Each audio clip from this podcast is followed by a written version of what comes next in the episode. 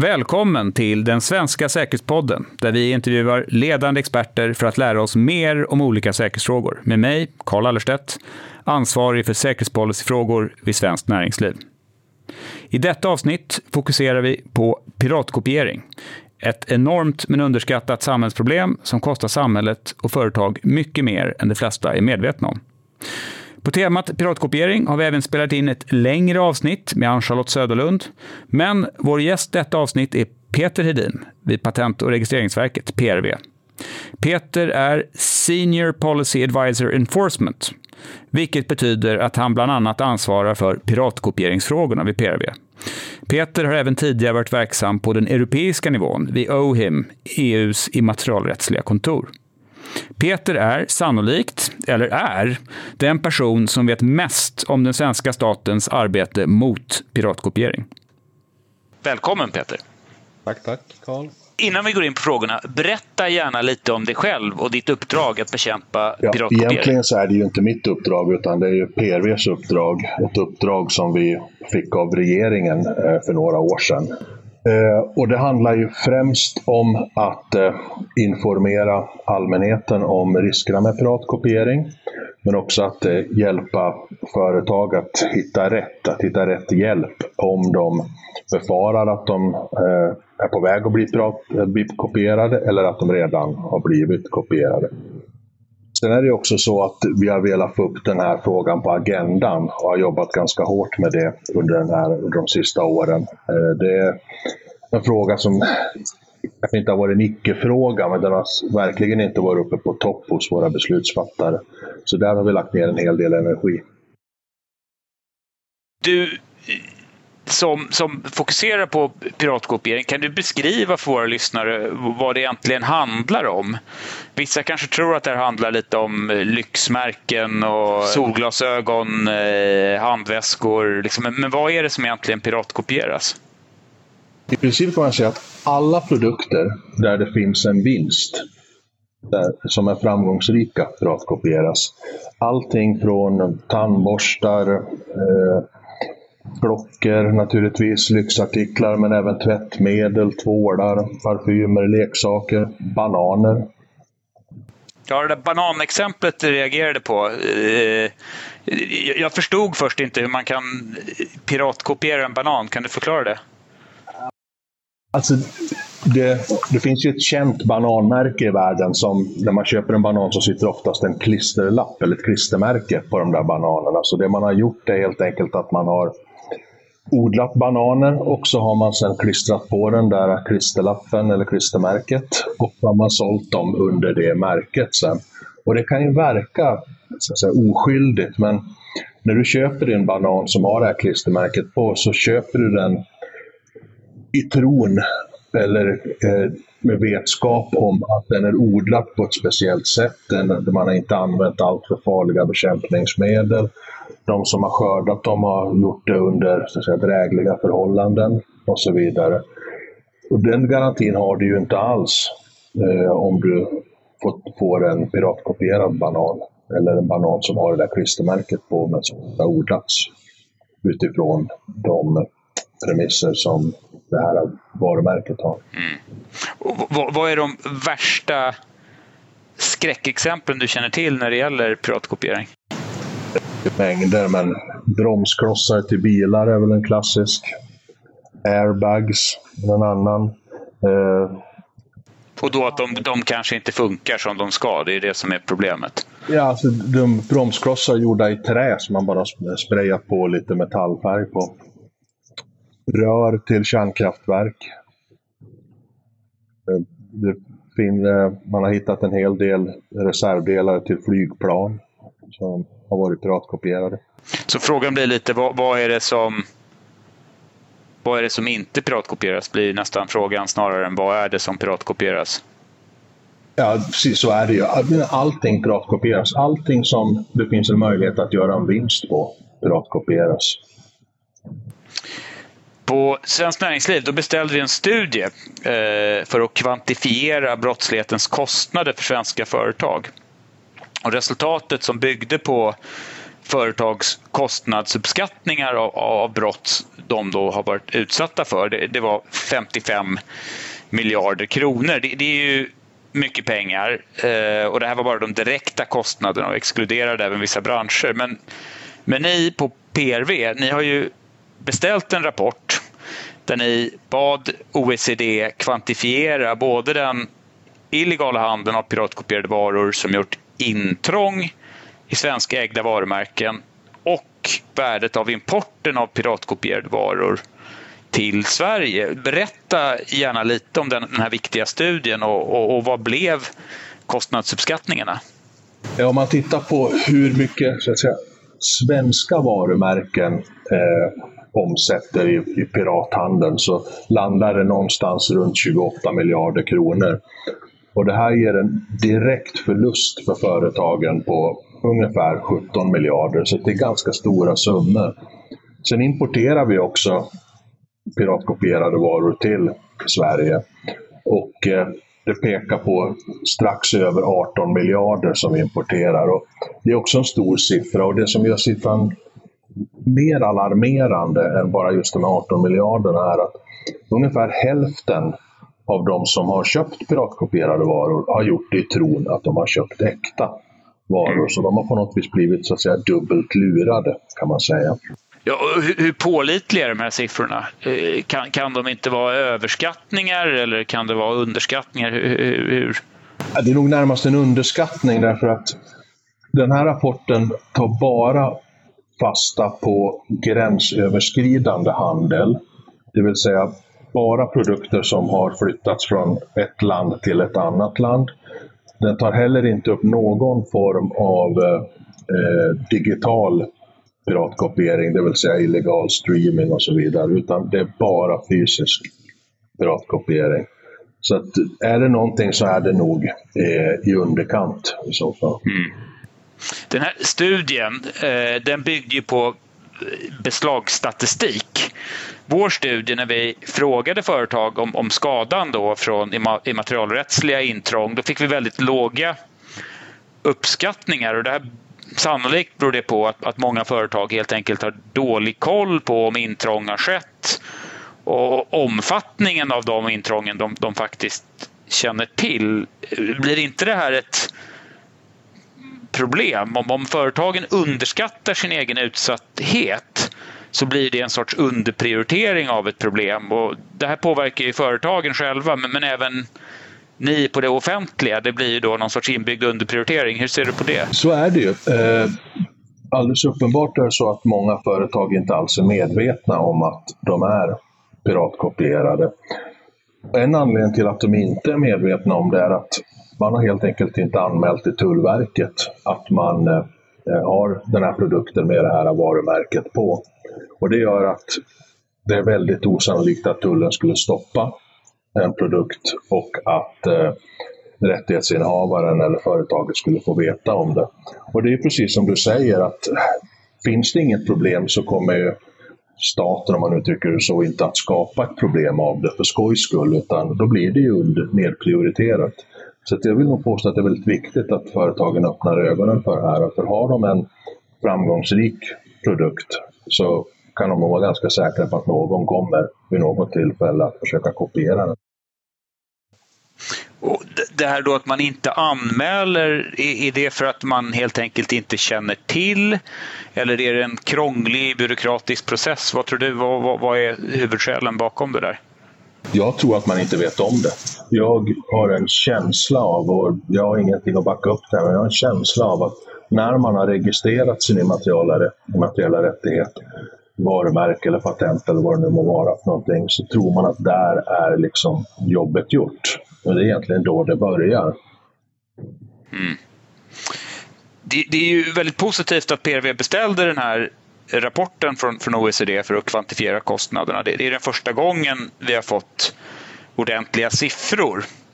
Eh, vad tror du, vad behöver vi mer för att öka förståelsen kring piratkopieringens omfattning? jag tror att man måste... Att man, att man inte, man, vi ska inte titta på piratkopiering som en enskild eh, företeelse. Jag tror man måste se piratkopiering i ett större sammanhang. sammanhang. Det här är liksom en del av organiserad brottslighet. Och de sysslar med en massa andra brott, allt från penningtvätt till kanske narkotikasmuggling och så vidare. Så att vi måste nog sätta in det i ett, i ett större sammanhang eh, för att få en bättre förståelse om, om vilken typ av kriminalitet det rör sig om. Eh, lite då, vem, eh, vem är det som ligger bakom? Vad, vad, är det för grupperingar som kanske finns kopplingar till också? Eh, och är, har ni något på gång på det området just? Inte just nu, men man kan väl säga så om man tittar internationellt så är det ju ganska tydligt att det är de klassiska organiserade brottsgrupperna som, som ligger bakom eh, den så att säga, stora handeln med piratkopierade varor. Och om vi tar Europa då, vilka grupperingar är de stora där? Det är ju naturligtvis har ju den italienska maffian, men det finns ju andra, andra maffiaorganisationer också som eh, handlar mycket med piratkopierade varor. Och vi tar då importen av piratkopierade till Sverige. Vem, vem är det som ligger bakom det här? Är det också grov organiserad brottslighet eller är det mer skumma affärsmän? Där kan man nog säga så här att det finns två varianter. Det ena det är nog en helt vanlig person som sitter hemma vid datorn och beställer någonting från någon hemsida i Kina och får hem det direkt till sig. Det är förmodligen den största delen av det. Men sen säljs det också i, i affärer. Ibland med affärsinnehavarens vetskap om det, ibland utan vetskap. Och i det, de fallen, då rör det sig om mer yrkeskriminella som har importerat. Ja. Här, alltså varför, varför är det så omfattande det här? Eh, varför väljer så pass många att syssla med, med, med just det här? Det, vad är den ekonomiska uppsidan och, och är, hur avskräckande är straffen? Ja, det är det perfekta brottet egentligen. Upptäcktsrisken är väldigt låg och skulle man bli upptäckt är straffen väldigt låga och eh, vinstmarginalen är enorm. Så att det, praktiken är det det perfekta brottet. Och, och vad, vad, kan man göra då för att, för att minska importen av, av piratkopior till Sverige? Dels så måste vi allmänheten måste få en betydligt bättre förståelse om vad det är för någonting man importerar. Att det inte är helt ofarligt och att det dessutom skapar problem eh, samhällsekonomiskt att vi gör det. det. Det är också så att företagen måste nog bli lite bättre på att se över sina produktionskedjor när man flyttar, ut, flyttar sin verksamhet utomlands eller produktionen utomlands. Och så måste vi bli bättre på att eh, ge information till Tullverket. Mm. Så, så, just det där du nämnde med de här internationella kedjorna, det, det gäller ju när man skyddar då svenska varumärken ja. internationellt. Ja. Eh, och länderna som är problematiska i de här sammanhangen, eh, vilka är de stora globala källorna till piratkopierade varor? Det är framförallt Kina. Eh, nämner man Kina så täcker man nog nästan 90 procent av all handel med piratkopierade, eller all produktion av piratkopierade varor. Sen Indien kommer en del ifrån också, främst mediciner. Eh, men även en del tyg och textilier. En del från Turkiet. Pratar man oftast cigaretter. Och eh, hur, om du ser liksom framtidstrenden här. Du nämnde liksom det perfekta brottet, det är låga straffsatser, det är, man kan tjäna stora pengar. Eh, Kommer det här öka? Ja, det har ju ökat hittills. Det har ju gjorts tre stycken eh, ska man säga, världsomspännande undersökningar av OECD. Och, eh, de är väl inte precis upplyftande. Där har det ökat ganska dramatiskt. Framförallt eh, från den andra undersökningen till den senaste undersökningen så var det speciellt import till EU ökade väldigt dramatiskt. Tyvärr så ser nog inte framtiden så där jätteljus ut. Nej, men om vi tänker då det här att bli bättre att samarbeta med andra länder för att gemensamt sätta press på då de här problemländerna, källorna. Hur ser förutsättningarna ut där? Jo, alltså, det vi måste göra, det är ju, och när jag säger vi, då får vi nog faktiskt säga vi inom EU, eller EU. Vid varje tillfälle som man har sådana här handelsdiskussioner med de här problemländerna så måste man plocka upp den här frågan. Den måste finnas med på bordet. Och för att eh, kommissionen i det här fallet som sköter den typen av förhandlingar ska kunna göra det så kommer de att behöva bevis. De bevisen kan egentligen inga andra än eh, eh, företagen ge kommissionen.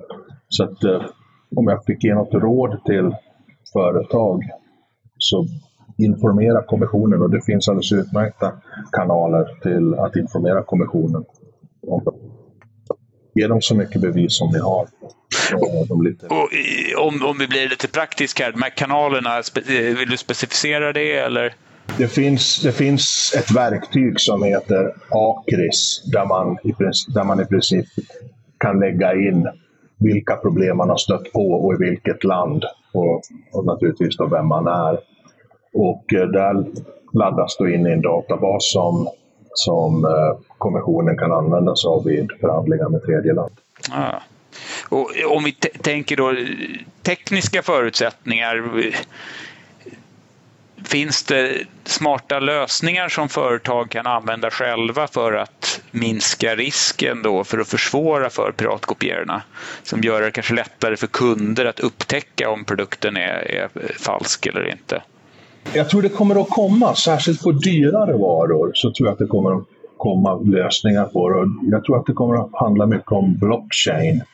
Där man, om vi tar, om vi tar en dyr klocka till exempel, så kommer du inte bara att få den fysiska klockan, utan du kommer att få en virtuell klocka också. Och för att du ska kunna sälja, eller ja, du kan ju sälja den vidare, men kunden kan ju då alltid kräva att få den här virtuella klockan med sig.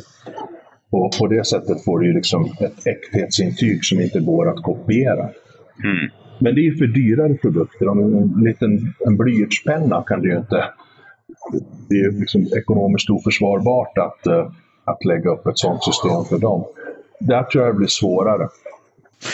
Jag kan tänka mig kanske att kostnaderna för de här systemen när de är nya är ju högre. Sen så när man, man kanske börjar med dyra produkter och sen så går kostnaden ner och då kanske det blir ett mer vardagsvaror. Ja. Potentiellt, det är svårt att säga, det blir ganska spekulativt. Men, eh, men om, om vi tänker då svenska företag idag, vad kan man göra för att bättre skydda sina produkter från piratkopiering?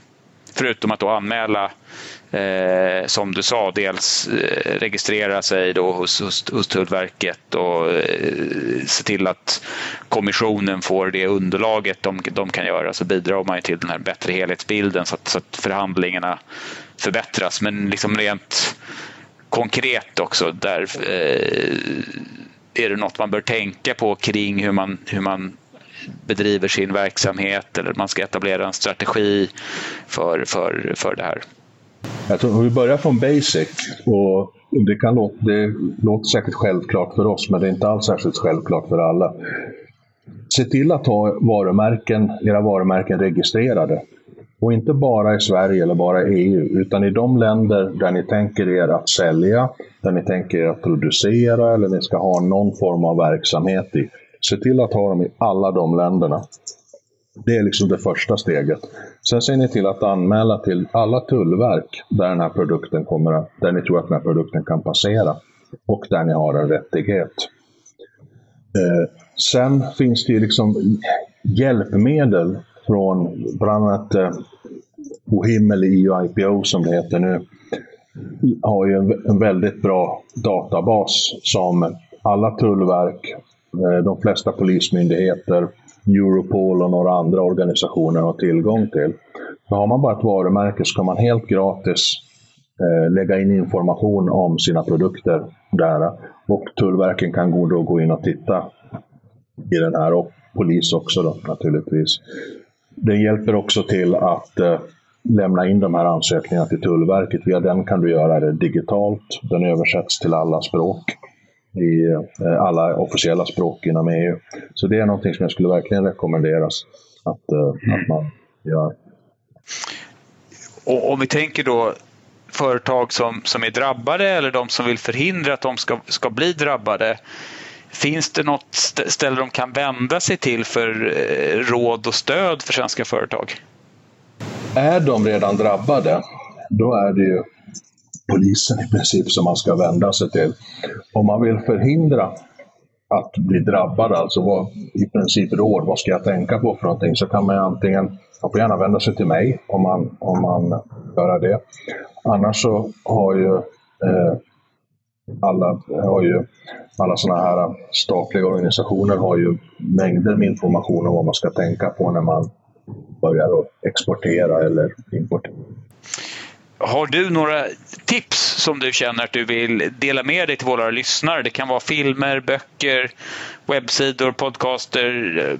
Helt enkelt för de som vill lära sig mer om piratkopiering och vad man kan göra för att skydda sig.